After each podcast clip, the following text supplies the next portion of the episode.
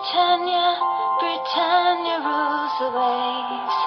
Britons never, never, never shall be slaves. Ooh,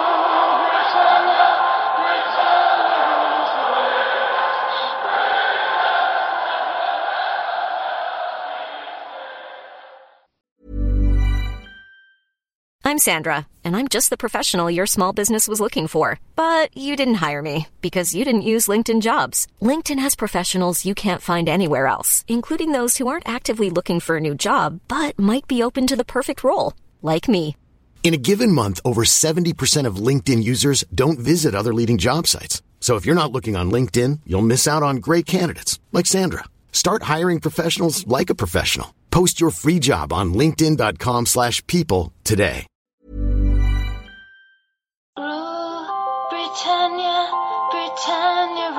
The waves.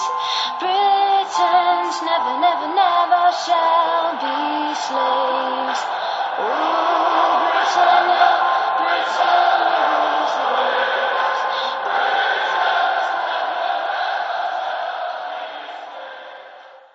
Hjärtligt välkomna till avsnitt 125 av Svenska FPL-podden. Vi fortsätter med våra införavsnitt och idag ska vi tala försvarare inför säsongen 21-22. Man ska ju ta ut fem stycken spelare som spelar i försvaret och eh, vi ska gå igenom de flesta här i, i olika prissegment och se vad, vad som kan vara mest intressant.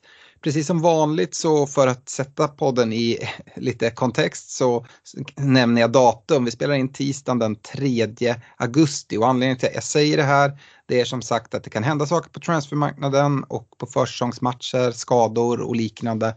Så se till att hålla koll på allting eh, inför deadline. Men eh, kommer en rejäl genomgång här i, i det här avsnittet på, på försvarssidan. Och eh, härligt att säga, idag är vi fulltaliga. Stefan, eh, du är med mig och Fredrik idag. Hur är läget? Jo, men det är bra. Eh, Det ska bli kul och eh, snacka upp säsongen lite. Jag är faktiskt väldigt taggad. Skönt med det där breaket som både du och jag tog Alex för, för EM och har vilat upp formen förhoppningsvis. Ja, det är fint. Och Fredrik, du är med, med som vanligt. Jajamän, jajamän. Mm. Eh, näven knuten och nu kör vi eller? Lite så. Men försvarare, jag tror vi alla har sett fram emot för att diskutera backarna här. Alltså, här. Här finns det mycket att götta ner sig i. Verkligen. Eh, Vi eh, ska ge ett stort tack till våra partners och eh, det är Olka Sportresor, Unisportstore.se och Glenn Sportsbar som ser till att vi har så fina priser i vår poddliga. Och ja, gå med i ligan om ni inte redan har gjort det. Var ni med förra säsongen så blir ni med per automatik. Annars så hittar ni ligakod på vår Facebook-sida, Svenska FBL-podden. Uh, eh, heter vi där. Uh, nämner även ligakoden kort. Det är K2A Q1Z. Men som sagt den finns på vår Facebook-sida. Ska även nämna det, eller ja, det vi kan säga är i, i ligan. Det är helt gratis att vara med. Eh, första priset, eh, om du vinner över hela säsongen så får du ett presentkort på 5000 kronor hos Olka Sportresor och kan åka iväg och eh, kolla ditt favoritlag i Premier League eller göra, göra någon annan rolig resa för, för, för de pengarna. Det finns, kommer även finnas presentkort för mer än vinnaren eh, hos Unisport Store där du kan köpa matchtröjor och liknande och även fina priser från eh, vår partner Glenn Sportsbar. Så eh, ja, spelar man fantasy och det gör man förmodligen om man lyssnar på den här podden, då skulle jag säga att man är lite korkad om man inte är med i poddligan. Jag vill inte dra det lika långt och säga att man är korkad, men jag tycker tycker att man även bör överväga att gå med i uh, Glenligan som jag väljer att kalla den för. Eh, en liga som vi driver tillsammans med Glenn Sportsbar. Uh, eh, där kostar det 200 kronor att vara med, men där har man även möjlighet att vinna ännu finare priser. Du, det är inte bara på hela säsongen. Dels kan du vin vinner du pris, omgångspris varje omgång, alltså 38 priser bara där. Sen så är det månadspriser där du vinner sport, eh, ja, fotbollsresor från Olka Sportresor.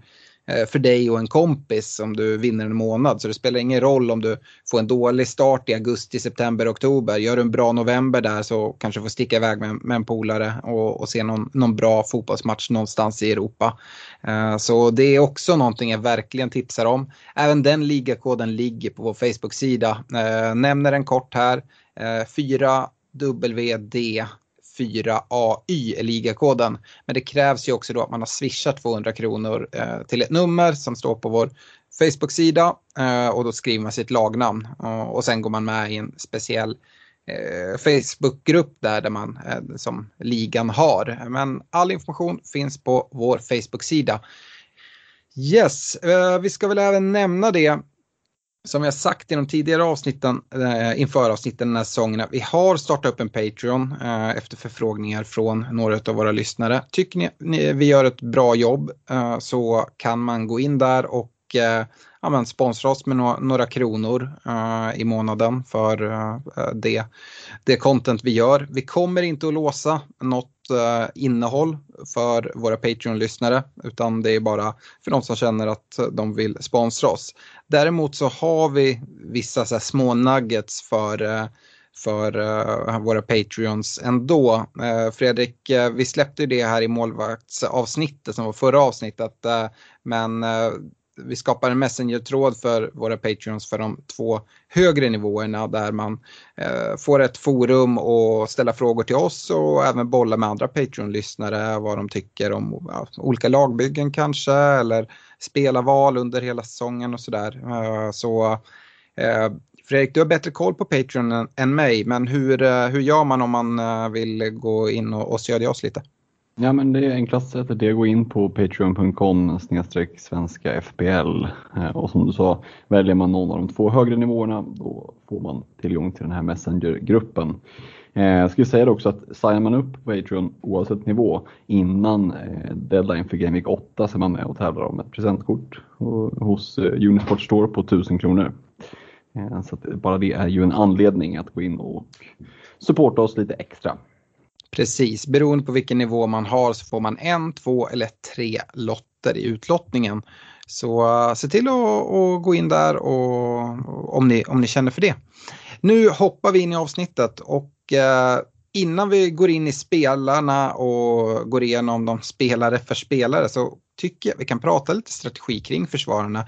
Och det är ganska vanligt eh, tidigare att gå på en trebackslinje och sen fokusera på, på offensiva spelare men eh, jag vet att jag i alla fall har suttit och fingrat på kanske eh, att ha fyra och kanske fem till och med eftersom att det finns väldigt många intressanta försvarare den här säsongen som ligger bra prisade. Stefan, hur resonerar du kring det här?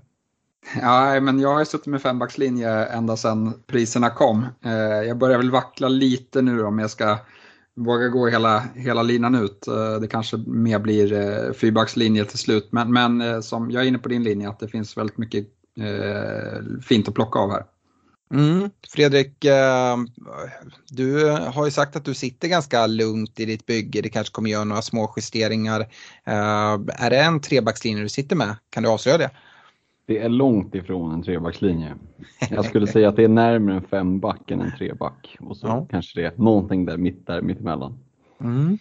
Ja, det, det, är spännande. Och tidigare säsonger, eh, Stefan, har du då framförallt spelat med, med en treback som jag var inne på eller har det varit fler?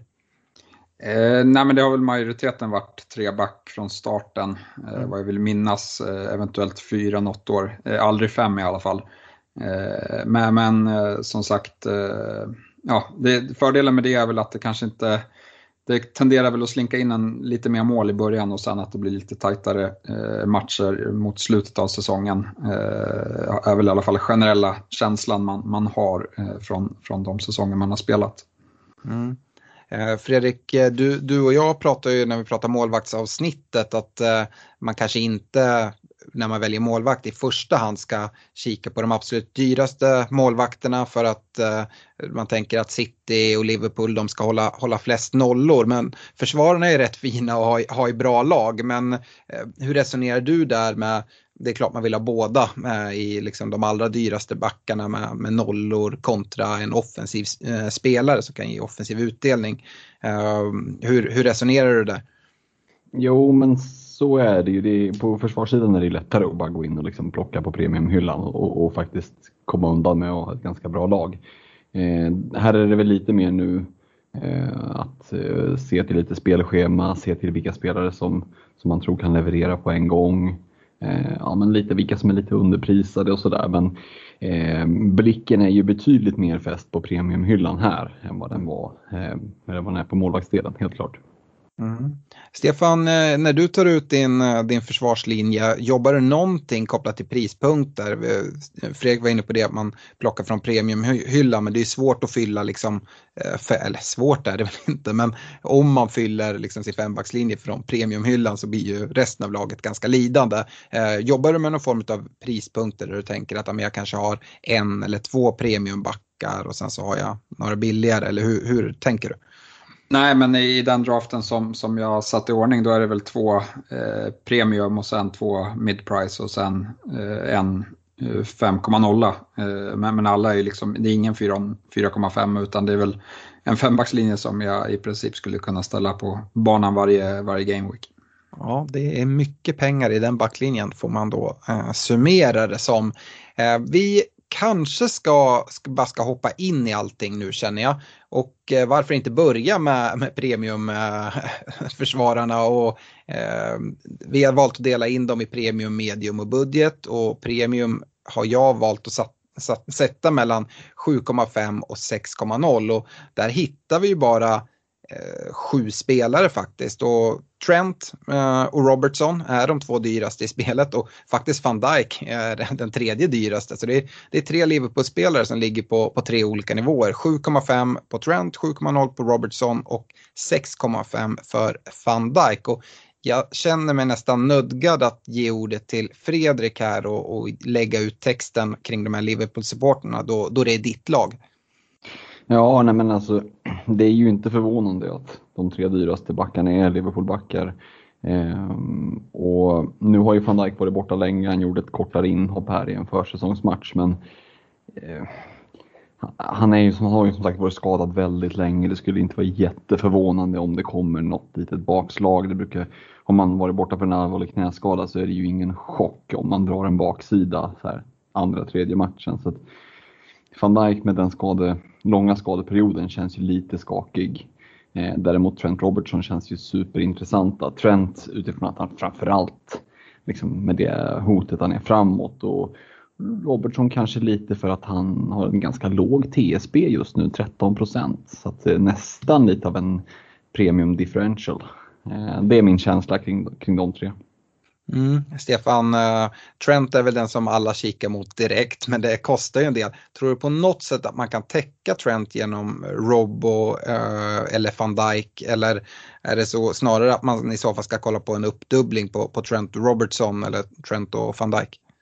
Nej men alltså som, jag gillar Liverpools uh, spelschema inled, inledningsvis och, och liksom i, när jag säger att jag sitter med två premiumbackar så är det ju Trent och Robbo som har varit i de flesta drafter ska jag ta liksom, jag tycker det skiljer ganska lite mellan dem. Man sparar in eh, 0,5 med, Robertson, men mitt första val eh, solklart eh, på Trent och då eh, tycker jag framförallt att han liksom avslutade förra säsongen eh, mycket bättre än vad, än vad Robertson gjorde. Eh, sen har väl i och för sig båda fått eh, ganska mycket vila här i, i, i sommar. Robertson åkte ut rätt tidigt i EM, Trent var väl inte ens med eh, i, i truppen. Eh, så ja, men de känns intressanta, men, men det, jag tycker det hänger mycket på eh, att van Dijk håller sig hel också. Eh, för att eh, annars så, så vet jag inte om, om uppdubblingen känns sådär jättehet på, på sikt. Nej, det man, det man ofta sitter med är att man bygger i ordning ett lag och sen så börjar man försöka göra lite så här att jag behöver på något sätt hitta 0,5 eller 1,0 för att få ihop till det här laget. Och säg att man då ändå väljer att bara gå på en Liverpool-försvarare. Eh, skulle du då Fredrik säga att ja, men, de här 0,5 som skiljer mellan Trent och Robertson, ja, men det är lite sak samma och gå ner till Robertson i alla fall för att få ihop det här bättre laget? Eller hur, hur skulle du resonera i ett sånt läge? Nej, jag skulle nog verkligen hålla fast vid Trent. Eh, flera anledningar. Tycker att han har ett lite vassare hot framåt. Eh, det är alltid lättare att växla ner till en Robertson. Går du med Robertson och sen så flyger Trent och du liksom känner att jag måste in där, då är det jävligt knepigt att komma in på mm. honom. Eh, sitter du med Trent i laget kan du ju byta honom mot vilken försvarare som helst om du av någon anledning skulle vilja byta ut honom. Så att för mig är det, är det Trent som är den givna liksom, ettan vad det gäller. Ja, men, jag vet att du ställde frågan i första avsnittet för säsongen, där är han första namnet in i laget och ja, ta mig fan, jag tror, jag tror bara han är det. Liksom. det han sitter där som nummer ett i alla fall för min del. Mm. Jag, jag håller nog en annan Liverpool-spelare som nummer ett, men det ska vi prata i ett annat avsnitt om och ni kanske kan gissa att det är eh, Mohamed Salah. Men eh, ja, jag, jag gör det ju enkelt för mig som programledare och sitter och bollar över. Hur, hur resonerar ni kring det här? Men om jag själv ska säga det så är jag väl inne lite på samma spår som, som du är Fredrik. Jag gillar Trent supermycket eh, och eh, kommer förmodligen gå på honom. Eh, och eh, ibland har jag suttit och fingrat på att gå på en Robertson istället. Eh, men ja, jag, jag tycker uppdubblingen blir väldigt dyr men det finns ju någonting i det. Det som man kan säga är väl annars generellt att vi går in i en liten osäker start eftersom att eh, man vill ha nollorna. Liverpool har jättebra spelschema men van Dijk som sagt varit borta länge. De har värvat in Konate som, ska, eh, som måste vara tänkt som som radarpartner till van Dijk som är ny i ligan och de har inte spelat tillsammans innan och det finns osäkerheter. Eh, dessutom i början av säsongerna så alltså, brukar det ändå kunna liksom trilla in något mål här eller där. Jag vet förra säsongen då så satt jag eh, uppdubblat i, i Liverpool-försvaret. Men eh, sen så spelade de jättebra, släppte inte till så mycket chanser men det blev alltid liksom att nollan sprack. Det blev liksom en kasse som trillade in. Så det, det är ju det är alltid en risk att dubbla upp i ett försvar även om man gör det på premiumsidan vill jag ändå påtala. Men eh, ja, det blir långt snack om, snack om Liverpool. Vi, vi kan väl röra oss neråt i, i premiumsegmentet och då kommer vi till de lägre i premiumsegmentet, alltså 6,0orna. Och där hittar vi två Chelsea-försvarare och två City-försvarare. Uh, Aspilicueta och Chilwell i Chelsea och eh, Cancelo och Diaz i eh, Manchester City. Vi kanske kan börja med Manchester City där och Stefan Cancelo och Diaz som flög ganska högt eh, förra säsongen och var i ganska många byggen. Hur eh, ser du på dem den här, till den här säsongen? Det är, det är inga jag riktigt har funderat på Eh, från starten. Men, men liksom Diaz är ju absolut en sån spelare som, eh, han tycker jag står högre än, än Cancelo på, mm, liksom med tanke på säkerhet till start. Eh, så, men, men eh, som sagt, eh, han är ju någon som man skulle kunna ta ut och sen bara ha hela säsongen. Men jag vet inte, hans liksom, höjd eh, är kanske inte strålande och, och liksom, litar man på att City kommer ut och och fortsätter stänga ner butiken som de eh, gjorde eh, stora delar av förra säsongen. Eh, jag vet inte, jag, jag, vill nog ha något mer offensivt hot i, i de dyrare backarna jag tar ut eh, eh, än, än en Diaz från start i alla fall. Mm. Håller du med om Stefans resonerande där Fredrik? Ja, jag skulle vilja fylla i det och trycka i det en order. Så att för min del så är 6,0 backarna helt ointressanta eh, så här i början. Det har lite dels att göra såklart med att eh, både City och Chelsea har ganska tuffa spelscheman men sen får man inte alls den, den liksom, eh, eh, ja, men, eh, möjligheten till offensiva poäng som man får lite uppåt eller jag skulle snarare säga lite neråt. Vi kommer ju snart komma till till 5-5 så alltså att, eh, nej 6-0 eh, backarna går helt bort för mig. Jag vet inte vad du säger Alex? Jo, nej men eh, jag kollar väl inte, jag vill inte vara så eh, liksom, strikt och, och säga att de är helt ointressanta. Eh, jag kan direkt avslöja att jag inte sitter med någon av dem i, i mitt bygge som det ser ut just nu. Men, men Stefan, håller du med om det? Även Chelsea-spelarna, Aspilicueta och Chilwell, finns, finns det noll intresse i, i alla fall här direkt från start? Ja, med, med den tilläggen som där på slutet att direkt från start för att jag gillar inte Chelseas eh, spelschema alls. Eh, men, men däremot liksom Chilwell som, som säkrat eh, wingbackplatsen i, i ett, ett Tuchel-lag. det kommer kunna bli intressant under säsongen. Så att han tycker absolut att man ska hålla ett noga öga på och se, liksom, spe, fortsätter han spela varenda match och, och är så offensiv som, som man förväntas vara så, så tror jag att han kan eh, vara riktigt fin och kika mot eh, när de haft sina tuffa inledande matcher. Här. Ja, Alonso har ju ryktats lite bort också från Chelsea. Vi får se vad som händer där. Eh, Aspelikueta är en sån spelare som, som går bort för mig. Eh, älskar han som fotbollsspelare, fantasymässigt inte lika mycket. Både Pep och Torshäll är kända för sin, sina rotationer. Eh, Diaz är, har, var ju lite immun mot det förra säsongen kan man nästan säga i, i City. Eh, och, men Aspilicueta tror jag kan roteras en del, börjar ju också komma upp lite i åren. Eh, så att eh, därför går han bort. Men Chilwell skulle kunna bli aktuell, men kanske inte från start precis som du är inne på där. Eh, då går vi till den här intressanta mediumkategorin och det diffar bara 0,5 mellan 5,5 och 5,0 backarna. Eh, men det är det vi har valt att dela in mediumsegmentet i. Här kommer vi såklart inte gå igenom alla 5,5 år och alla 5,0 år.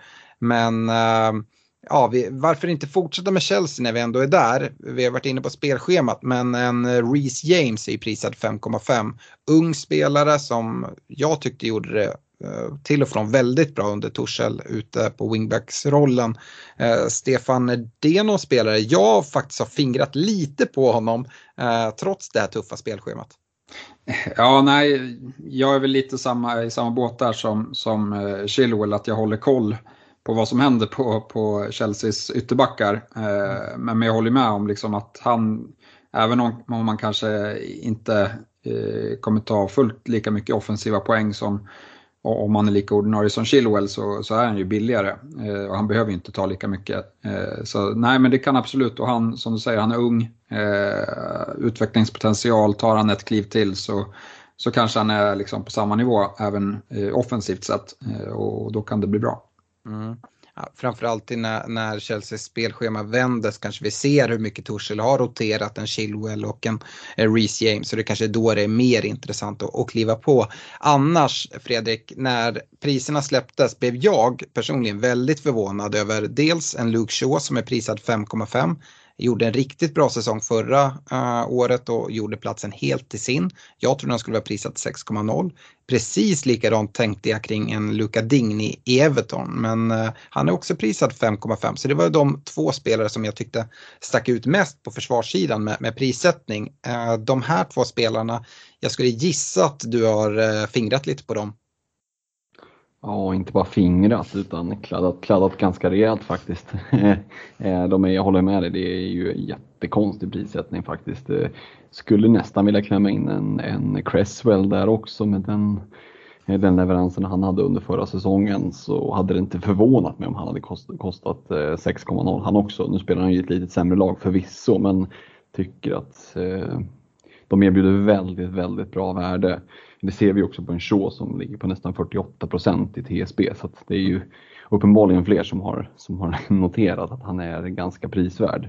Eh, men en Ding på 22 procent, Cresswell på 19. Visst, det är ju inga jättelåga TSB men det är liksom var, var femte lag. Det är fyra av fem lag som inte cashar in de poängen om poängen trillar in. Så att, mm, nej, här, finns det, här går det att fylla laget, men det går att fylla laget med fem 5-5 backar. Inte för att jag ska göra det, men, men eh, rent hypotetiskt går det och det är inga dåliga spelare du får in. Nej, uh, när du nämner och kastar med Cresswell där också, Stefan, Cresswell, Shaw, uh, Ding, det de alla har gemensamt är att de är involverade i sina lags fasta situationer en del. Jag vet att det var någonting du pratade en hel del om förra säsongen kopplat till möjligheter att få, uh, få bonuspoäng. Vill du utveckla det något? Nej, men jag har inte gjort någon eh, liksom, jättegrävande eh, undersökning på det här. Men, men det verkar som att de gynnas väldigt mycket i det här bonussystemet och därav har liksom närmare att få, få bonusar då många av deras hörnor räknas, räknas som att de skapar chanser eh, för, sina, för sina medspelare. Eh, och liksom vi såg dem högt uppe hela tiden. Sen kanske det var så lite, eller min känsla av till exempel United i fjol var ju att där slank det ju absolut ofta in ett mål i, i matcherna. Mm. Eh, nu med varann in, eh, att Henderson kanske etablerar sig som första keeper eh, och liksom att vi får bort något misstag där. Jag tror inte att United blir sämre defensivt i år i alla fall. Är det så utav de här 5,5 backarna som du håller allra högst utav dem eller kan Cresswell eller Ding peta ner honom tycker du? Ja, alltså, jag gillar, så kanske jag inte gillar för att han var borta så länge i EM. Eh, men, men, jag är jätteintresserad och nu, nu har vi fått nyheter om att, eh, ja men vad heter han, portugisen i Telles. Telles, att han, att han har skadeproblem här så att eh, Shaw kanske måste tillbaka snabbt i laget ändå. Eh, men, men annars det är väl enda frågetecknet kring Shaw, annars tycker jag att han är självskriven. Jag gillar Uniteds inledande spelschema, eh, samma sak med med Dign eh, gillar jag jättemycket också. Jag tror, jag gillar Benitez som coach just rent för, för nollorna. Jag tror att Dign kan få en, en rätt eh, liksom, viktig roll i, i Benites lag. Eh, och eh, också ett bra spelschema inledningsvis, så att de två är jättefina. Sen vad det gäller Cresswell, där är det kanske lite mer fråga om budget och eh, att hans eh, ytterbackskollega i så fall är prisad 5,0 och eh, kanske därav trumfar eh, Cresswell ändå. Ja, vi kommer snart komma till så fall, men eh, innan dess eh, Fredrik, eh, vi pratar mycket om Shaw här. Det finns även en Maguire och en eh, Wan-Bissaka i United, prisad 5,5. För mig går ju så före dem alla dagar i veckan eh, och jag är inte så sugen att dubbla upp eh, Uniteds defensiv trots det fina spelschemat. Eh, resonerar du på något liknande sätt? Ja, nej, men verkligen. Jag tycker det, den, den felaktiga prissättningen av Shaw blir väldigt tydlig när man ser att eh, Wan-Bissaka och Maguire kostar lika mycket. Det blir liksom Ja, det är klart att rent hypotetiskt kan ju Maguire nicka in ett mål i Game Week 1 och säga ja men kolla han gjorde ju mer poäng men, men det finns liksom ingen det finns ingen argument för att välja någon av de två före Shaw. Eh, och dubbla upp, nej jag skulle säga att det finns eh, många andra alternativ. Och jag vill även nämna där, vi nämnde ju bra spelscheman för för Shaw och Ding, men jag tycker Cresswell har ett himla fint eh, mm. spelschema också. Eh, så att, eh, mm, det, det går som sagt att hitta mycket olika och, och även liksom sprida, inte lägga alla ägg i samma korg utan plocka från lite olika lag som ändå har, har bra spelscheman på 5-5 nivån. Mm. Eh, övriga 5,5 backar, vi har uh, Citys försvarare utöver Cancelo och Diaz. Uh, Stefan, är det, är det någonting du kikar mot där eller du, det finns mycket mer intressanta 5,5 backar som vi har avhandlat redan? Det blir lite vänta och se, men, men som svensk har man ju lite otäcka minnen kring Sinchenko i EM som jag tyckte var riktigt bra för Ukraina. Eh, han spelade ju till sig den där vänsterbacksplatsen rätt eh, mycket på slutet av säsongen i fjol. Eh, fortsätter det och liksom att han är så bra som han var i EM och, och säkrar den platsen så, så skulle det kunna finnas intresse från min sida. Men det är lite vänta och se. Sen får vi se liksom Stones. Där tror jag alltid att det kommer finnas ett rotationshot från, från Laporte. Och därav blir det lite osäkert att gå på de två. Mm. Leicester är annars ett lag som är lätt att förbise tycker jag i, fantasy. Deras ytterbackar är Pereira och Kastanj. Fredrik, eh, har du kikat någonting mot dem? Mm, ja, men Kastanj eh, såg ju jättefin ut under förra säsongen.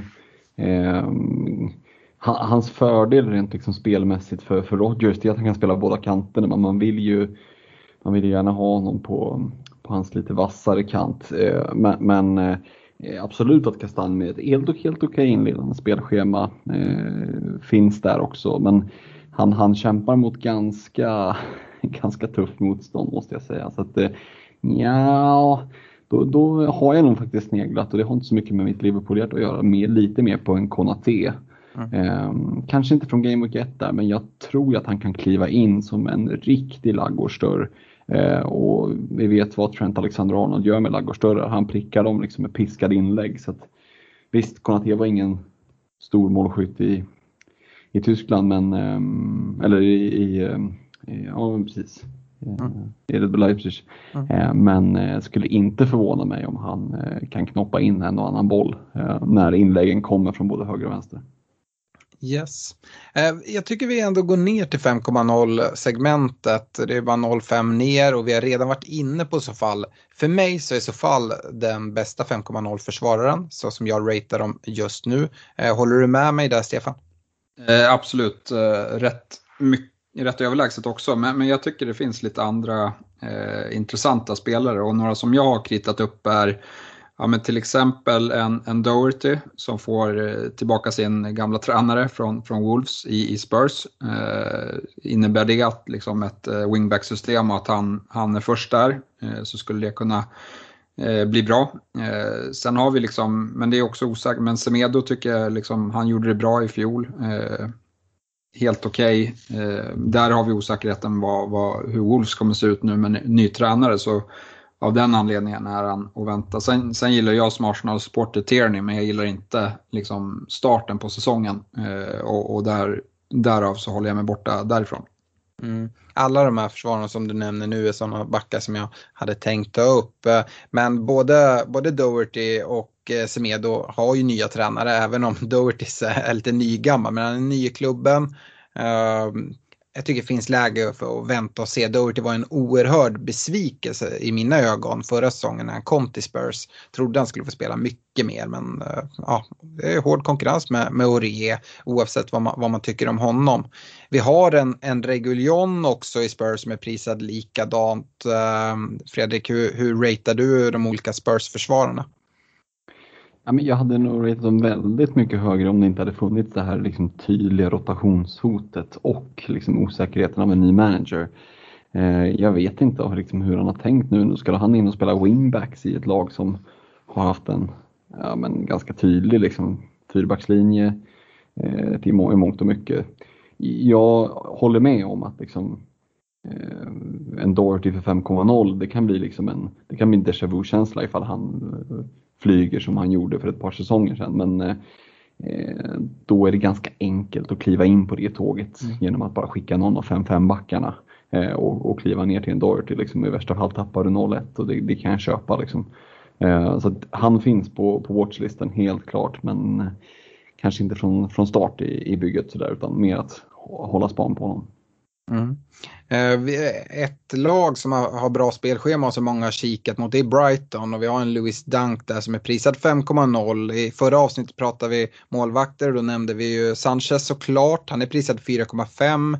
Eh, uppdubbling eventuellt eller gå på en annan målvakt. Eh, Stefan, du som inte var med på målvaktsavsnittet, hur har du tänkt kring en Louis Dunk? Eh, ja, men jag sitter ju med Sanchez eh, som min första keeper i min draft idag eh, och därav så avstår jag nog en uppdubbling. Men annars, vi vet ju vad Dank kan göra. bra på bonus. Brighton hade ett bra försvar statistiskt sett i fjol men fick kanske inte så mycket bra betalt för det i form av utan nollor. Men, men nu liksom, man vet inte, de, de har sålt White, kan de liksom hålla kvar det starka försvaret. Eh, det finns lite osäkerheter där och jag är inte beredd att dubbla eh, från start. Nej. Eh, en spelare som jag är riktigt, riktigt nyfiken på men som jag håller mig ifrån till start. Det är en Firpo som spelar i Leeds och kommer från Barcelona nu, blev värvad här i sommar. Och det är en spännande spelare, prisad 5,0. Men jag brukar vara försiktig med nyförvärv in. Uh, hur, uh, är det någon spelare du har kikat på Fredrik? Nej, om jag ska vara helt ärlig så är det nog faktiskt så fall den enda 5-0 som, som jag känner intresse av och det kan väl vara kanske en konsekvens av att det finns väldigt mycket intresse för min del eh, över och under. Mm. 5-0 tycker jag är en liten sån där liksom varken hackat eller malet eh, eh, prisklass lite innan. Så att jag håller mig hellre till liksom 5-5 eller 4-5 och eh, precis som du säger avvaktar och nu när du nämner honom, ja det är ett namn att hålla koll på men jag ska erkänna att jag inte har varit där och fingrat någonting. Är det så att du har varit det eller är det bara watchlisten som han finns nedpräntat på? Jag har fingrat. Eh, vi kommer komma till 4,5 och det där finns en viss eh, Ailing eh, som är kapten i Leeds. Där kanske jag fingrat än mer men jag har även haft lite pengar över och då funderat på att kasta in lite mer på Firpo. Men ja, som sagt, jag gillar inte att han är helt ny till ligan. Jag vill se lite hur han, hur han kommer in i allting. Men eh, ja, det finns ju fler 5,0 försvarare. Eh, jag räknar upp några här så får Stefan du får skjuta in om du tycker att du vill lägga ut texten lite mer om den. En Matt Rich i Newcastle är fortsatt försvarare, tar en del fasta situationer. Vi har Burnleys båda mittbackar i Tarkovsky och Ben Mee. Eh, Southampton har eh, Kyle Walker Peters och eh, Jannik Westergaard. Och sen så har vi Aston Villa-försvararna, Mings, Konsa, Target, Cash och tro det eller ej, Ashley Young har hittat dit också. ja, eh, nej jag vet inte om någon av de där, eh, ja, eh, mitt intresse är i alla fall ganska svalt. Det är liksom, det finns en del liksom bevisade eh, spelare, men jag tror att utav de du räknar upp där att det kommer finnas många 4,5 år som kommer kunna matcha deras poäng rätt, rätt bra under säsong. Eh, det är min känsla så här inför i alla fall. Då tycker jag vi förflyttar oss ner till det vi har kallat för budgetsegmentet, alltså 4,5 och 4,0 backar. Men fullt fokus kommer ligga på 4,5. Eh, ni får gärna lyfta 4,0 backar sen, men vi inleder på 4,5 Uh, eh, och här hamnar ju många av nykomlingarnas försvarare. Och um, om vi börjar där, uh, jag börjar med dig Fredrik, har du hittat någon som, hos nykomlingarna som du har kikat mot eller är det andra 4,5 år? Nej, det är nog andra 4,5 år. Det är... Nykomlingarna har ju, alltså de får det nog tufft tror jag, att liksom hålla nollor och kanske inga superspelscheman sådär, ja möjligtvis Watford då kanske men nej, jag, eh, mina blickar på 4,5 nivån de är riktade mot, mot andra spelare än, än just uh, i de, de tre nya lagen. Mm. Eh, Stefan, hur, hur ser det ut för dig? Eh, nej, men jag, jag har ju minnen av Max Arons eh, mm. från, från när Norwich var upp senast. Jag tycker han är en bra spelare. Eh, sen har de ett tufft inledande spelschema. Därav så, så finns det inget intresse för, för min del där. I, i Wat i Watfords del så är det väl Kiko Femenia som, som skulle kunna vara intressant. De har faktiskt ett bra spelschema här inledningsvis. Så att, eh, och, och, han gjorde väl eh, det bra i, i Championship vad jag har förstått. Eh, så det är väl de två som, som har kommit med här i, i mina spaningar. Ja, det finns ju flera eh, 4,5 försvarare än i nykomlingarna men jag, jag passar på att nämna en Sierra i Watford. Eh, en spelare som jag har kollat lite på här och, och eh, kikat upp och tycker verkar ganska intressant. Kan nog spela lite out of position också. Så att eh, det är väl en spelare, men det är någon som mer är på en watchlist än som håller på och fingrar på att ta sig in i mitt startbygge. Eh, annars, Stefan, det är svårt att förbise eh, Ben White som eh, är klar för Arsenal. gick från, från Brighton för ganska dyra pengar. Han ska väl rätt in i ett mittförsvar antar jag? Ja, det förväntar jag mig. Eh, och, och, där kan det ju faktiskt vara läge. Jag, jag tycker han är ett, ett av de starkare 4,5 namnen. Eh, och, och, liksom, visst, vi har, vi har två svåra matcher i, i omgång två och tre. Eh, men, men liksom, det, det, är inte helt dumt att kanske sätta ut honom som, som eh, på bänken i de matcherna. Och för, för sen vänder det eh, efter det och det är fina matcher. Så att, eh, mm. men White tycker jag absolut är av intresse.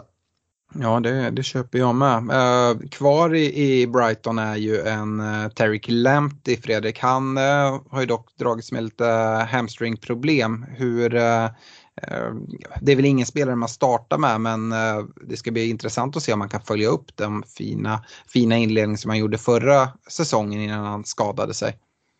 Ja men verkligen. verkligen de har verkligen fått till den här ytterbacksplatsen med både Weltman och, och Lamptey och eh, Solly March var väl där och sprang även om han var listad som mittfältare förra, förra året och det här också. Eh, så att eh, får han skaka av sig den där skadan, han verkar ju vara rätt liksom, skadebenägen tyvärr, men får han skaka av sig det och, och kommer igång så kan det säkerligen dyka in en hel del poäng där. Så att, ja, eh, någon att hålla span på och som sagt, eh, Brighton har ett, ett tacksamt inledande spelschema men eh, det beror lite på hur man gör med målvaktssituation där väljer man att gå på Sanchez så kanske man blir lite mer restriktiv med att, att dubbla. Mm. Eh, Stefan, vi, vi pratade ju Firpo i Leeds, då nämnde jag även en Eiling i Leeds. Han hade ju eh, väldigt fina siffror förra säsongen, alltså bakomliggande, men det blev inte så mycket ut av det jämfört med hans eh, kollega Dallas som, eh, som flög väldigt fint. Eh, eh, Eiling, får han bättre utdelning den här säsongen? Jag vet inte, jag, jag har inte sett alla Leeds matcher men jag såg en del när, när Eiling eh, var uppe och liksom hade avslutslägen i straffområdet. Han har ju inte den kylan som Dallas har, eh, kan man ju lugnt konstatera. Det känns, kändes inte riktigt som att han skulle få in en boll. Eh, där, men sen kanske han kan få lite fler assist. Eh, men jag ser han inte som, som eh, någon vidare målskytt i alla fall. Nej, uh, du då Fredrik, eh, uh, Eiling, är det någon spelare som det fingrats på? Oh, verkligen. Jag tycker att det finns mycket värde där och lite, så lite tuff inledning men eh, det är en sån spelare som är så pass billig att han kan sitta och liksom sitta först på bänken och, och, och kännas helt okej okay att ha honom där. Mm. Ehm, så det är en av de 4,5 spelarna som, som, som blickarna har riktats mot helt klart. Ja, för mig blandar han sig i där uppe jämfört med, tillsammans med, med Ben White i Arsenal som vi har pratat om exempelvis. En spelare som uh, har blivit ganska populär här, i, om vi kollar på TSBn, är en uh, Fofana i Leicester. Stefan uh, Fofana, är han, är han given i Leicesters försvarslinje? Jag vet inte, det beror väl lite på vad, vilken uppställning de, de spelar. Där har vi väl sett att, de, eh, att Rodgers eh, varierar en hel del. Eh, sen om det var på grund av skador eller annat. Men eh, vi har ju sett både treback och fyrback, eh, eller ja, tre, ja, treback och två, två mittbackar från, från deras sida. Eh, och spelar de tre mittbackar då är han ju jättegiven. Två mittbackar då, då finns det ju konkurrens, absolut. Eh, men, men jag ser honom som ganska, alltså han är ju ung, han är något som de kommer bygga kring så jag tror att han är, är ganska given. Eh, trots att de kostar mer har vi inte nämnt dem i en eh, Johnny Evans 5,5 och en Sojonsho i 5,0. Eh, ja, hur, hur resonerar du där Fredrik? Är det som FBL har prisat det, att det är så, så de, de även ska ratas i, i Leicester? Ja, det, jag tycker att det är svårt egentligen ja, Fofana känns lite hypad för mig. Mm. Kan, har inte alls varit där och fingrat om jag ska vara helt ärlig. Utan eh, det är risken. Det, Fofana för mig, det luktar som att det kan bli eh, lite så här vad Vinagre var förra året. Liksom, mm. Oerhört hypad och sen så kommer han inte ens att starta i, i Game Week 1. Eh, mm. Så att, nej, jag håller mig borta därifrån och skulle jag kliva in på en Leicester-försvarare då känns Kastanj ganska given faktiskt. Mm. Jag vill också säga det, det är en, en liten varningsflagga för mig. Jag, Fofana kan flyga, det är en duktig spelare verkligen. Men jag kan också se att med en ägarandel nu på runt 25 procent att eh, han inte får starta och att det kan bli en, liksom en massflykt därifrån och en price drop tidigt på honom. Och då kanske man vill lämna, får inte tappa, tappa värde och sen tvingas fram till ett byte. Så att eh, jag Eh, kollar inte mot honom i mitt bygge ska jag säga. En annan spelare jag skulle vilja flagga upp lite varning som jag har sett det liksom har, har snackats en hel del om i massa fantasy-communityn här i försäsongen. Det är en Ait Nouri i, i Wolverhampton. Han har spelat out of position och spelat uh, ja, men, väldigt offensivt uh, i, i Wolves. Men uh, man ska ju ha med sig där att det har ju även varit väldigt många spelare som har varit borta borta, haft semester och, och sådana saker. Och jag, ah, jag är inte alls lika, lika, eh, lika inne på att han kommer vara en, en drömspelare. Han är inte alls i närheten av någon ägarandel som, som Fofana men i liksom, Twitter-communityt eller vad man säger har det pratats en hel del om honom. Stefan, eh, hur ser du på, på den situationen?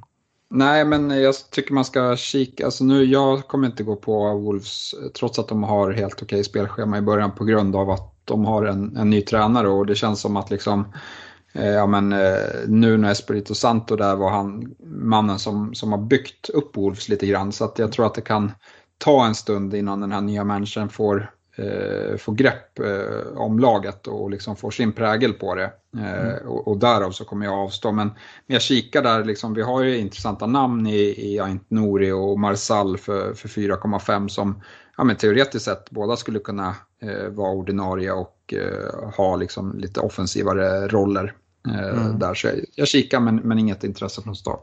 Mm. För, för egen del så är det någon i Wolves jag kollar mot. Då är det kaptenen Connor Cody. Eh, också prisad 4,5 och eh, jag, jag ser han som mycket mer given än, eh, än både en eh, Marsal eh, och en Ait Nouri. Eh, gör jag. Eh, Ja, det finns ju en del andra Newcastle-försvarare och, och sådär. Och, uh, det finns ju många 4,5 försvarare. Är det någon som, som jag inte har bollat upp nu som du tycker jag har missat Fredrik som du vill prata om? Ja, men kanske inte inför Game Week 1, men på, på watchlisten att hålla koll på tycker jag man ska nämna mittförsvaret i Spurs. Mm. Det är ändå ett väldigt bra lag.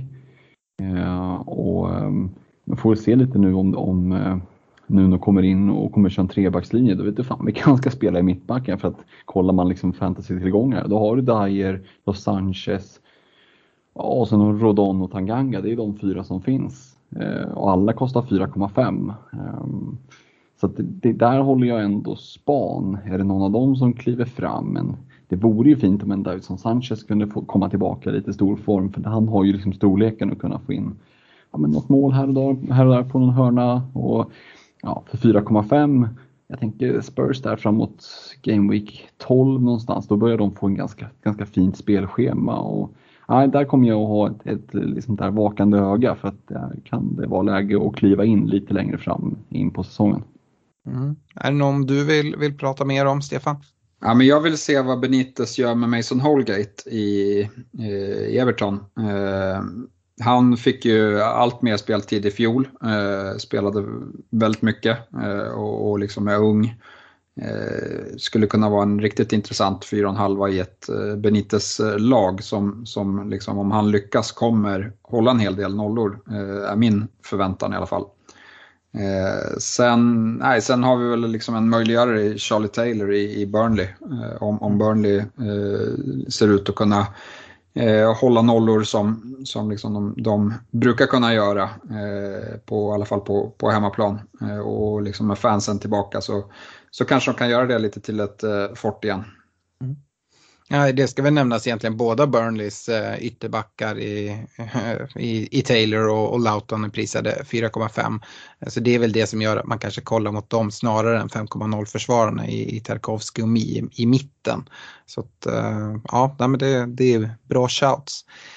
Går vi vidare upp 4,0 så jag tänkte bara kasta ut frågan. Tycker ni det finns någon som sticker ut? 4,0 är en sån där segment där det är svårt att hitta given speltid. Samtidigt så har det funnits sådana gömda liksom, diamanter här tidigare. Man upptäcker dem ofta här på försäsongen. Och eh, är det så att man hittar en 4,0 som spelar så är det en perfekt bänkspelare att sitta med. Så eh, av den anledningen tycker jag att 4,0-kategorin är intressant. Men jag tycker att det är svårt i år. Ehm, ja, om vi börjar med dig Fredrik. Eh, är det någon 4,0 som du tycker är bättre än någon annan? Jag kan väl bara säga att Mancoio i Newcastle är ägd av 13 procent. Ja, nej, jag kan inte se, eh, i alla fall inte i dagsläget, eh, någon ny Lundström eller, eller Wan-Bissaka eh, från back in the days sådär som kan kliva fram. Men who knows, det är mycket gamla Liverpool-bekantingar som har gått i andra klubbar och sådär. Men nej, jag vet inte, jag tycker att det finns så sjukt mycket värde på de andra priskategorierna eller på de andra prissegmenten än 4,0. Så att för mig är 4,0 helt så ointressant i alla fall. Det ska liksom segla upp någon riktig, någon ny Lundström. Annars känns den här eh, liksom prisnivån iskall för min del. Mm. I vissa fall kan det ju vara så att man ändå inte tänker spela, man kanske ska spela med en trebackslinje och då ta en 4,0 som ändå inte spelar så kan ju vara intressant. Eh, Stefan, eh, hur, hur ser du på 4,0 segmentet? Nej, men jag tror det spelar lite sig självt för att jag kommer troligtvis spela med mer än en trebackslinje eh, mm. och då kommer min bänkspelare vara en 4,5 som är, är ordinarie eh, bara mm. för att ha lite bänk. Eh, och därav så har jag inte kikat så mycket på 4,0 och liksom, när de dessutom inte finns någon, något solklart alternativ eh, så, så gör det ännu eh, mer eh, ja, självklart att, att jag skippar det i år. Mm. Och sen tycker jag att det är svårt för det är, det är många lag som har ganska korta försäsonger och många eh, spelare som har varit borta länge på, på landslagsuppehåll. Mm. Eh, vilket också gör, liksom, även om det kanske är någon 4,0 som startar någon match i början så kanske ja, men, eh, hans eh, eh, konkurrent kommer tillbaka och då tappar han sin plats. Det borde väl inte vara någon massflykt från 4,0 försvararna även om det är hög ägarandel. Men finns det någon varning för det på en, en spelare som Manquillo i, i Newcastle då, då han ändå just nu sitter i, i så pass många lag, Fredrik? Det finns väl alltid en liten sån risk, men jag skulle säga att eh, här gäller egentligen samma sak som det som du flaggade för Alex på, i målvaktssidan. Att om man nu väljer att gå på en 4,0 försvarare, se till att välja någon från en klubb som, som du liksom vet att du inte kommer vilja trippla på. Ta inte Simikas eller Nico Williams i Liverpool för det, det är korkat. Eh, mm. Att blocka en, en Liverpool-plats på en sån 4,0. Då kanske Mankio är liksom, ett, ett okej okay val i så fall. Det ryktas ju lite om, det kanske du har bättre koll på Alex, där med, med Williams i United. Det var väl lite på G till Norwich hörde jag något rykte om, Brennan Williams. Mm. Eh, och då skulle han ju eventuellt kunna bli en startspelare. Eh, sen är ju Norwich spelschema inledningsvis vad det är. Mm. Men eh, en, en, en, spelare som ändå startar vecka ut vecka in på sikt för 4,0 skulle ju kunna vara liksom, intressant att hålla lite koll på i alla fall. Ja, nej, tyvärr har jag inga intels där på, på Williams. Det kan mycket, jag, jag känner till ryktena eh, precis som du men jag vet inget mer kring dem. Eh, det är väl en sån spelare som kanske inte är jättebra för clickbait så att eh, det borde väl inte vara av den anledningen som, som ryktet har kommit upp. Men eh, då, då, det går ju att lösa med att bara skriva United-försvarare på gång till Premier League-konkurrenten och sånt så blir det ju clickbait. Eh, Nej men precis som du är inne på, det tycker jag man ska hålla koll på. Om det blir sådana här lånedeals eh, eller transfers inom Premier League, att någon 4,0 blir en, en eh, startspelare. För då tycker jag att det är jätteintressant att eh, ha honom på, på en sista bänkplats. Eh, oavsett vilken klubb han egentligen sp spelar i och vad det är för försvarare. Det är, jag vill ha två poäng i så fall om jag ska bli tvungen att använda min, min, min tredje eh, bänkspelare. Så ja, det är väl det. Eh, jag tycker vi är ganska nöjda där med, med försvarsavsnittet. Vi, vi återkommer ju inom kort med nästa del då vi ska prata om mittfältare och där finns det också en hel del att snacka om. Så eh, ja, följ med oss där. Eh, om ni inte följer oss på, på Facebook, se till att göra det. Där där lägger vi ut alla avsnitt när de släpps eh, så att man inte missar det. Eh, se till att prenumerera såklart i din poddspelare. Vi finns ju ja, på alla ställen där, där poddar finns. Eh, Spotify, Acast, Podcaster och, och så vidare. Men med det så tycker vi tackar för oss nu och på återhörande. Ha det gott. Ciao. Ha det bra.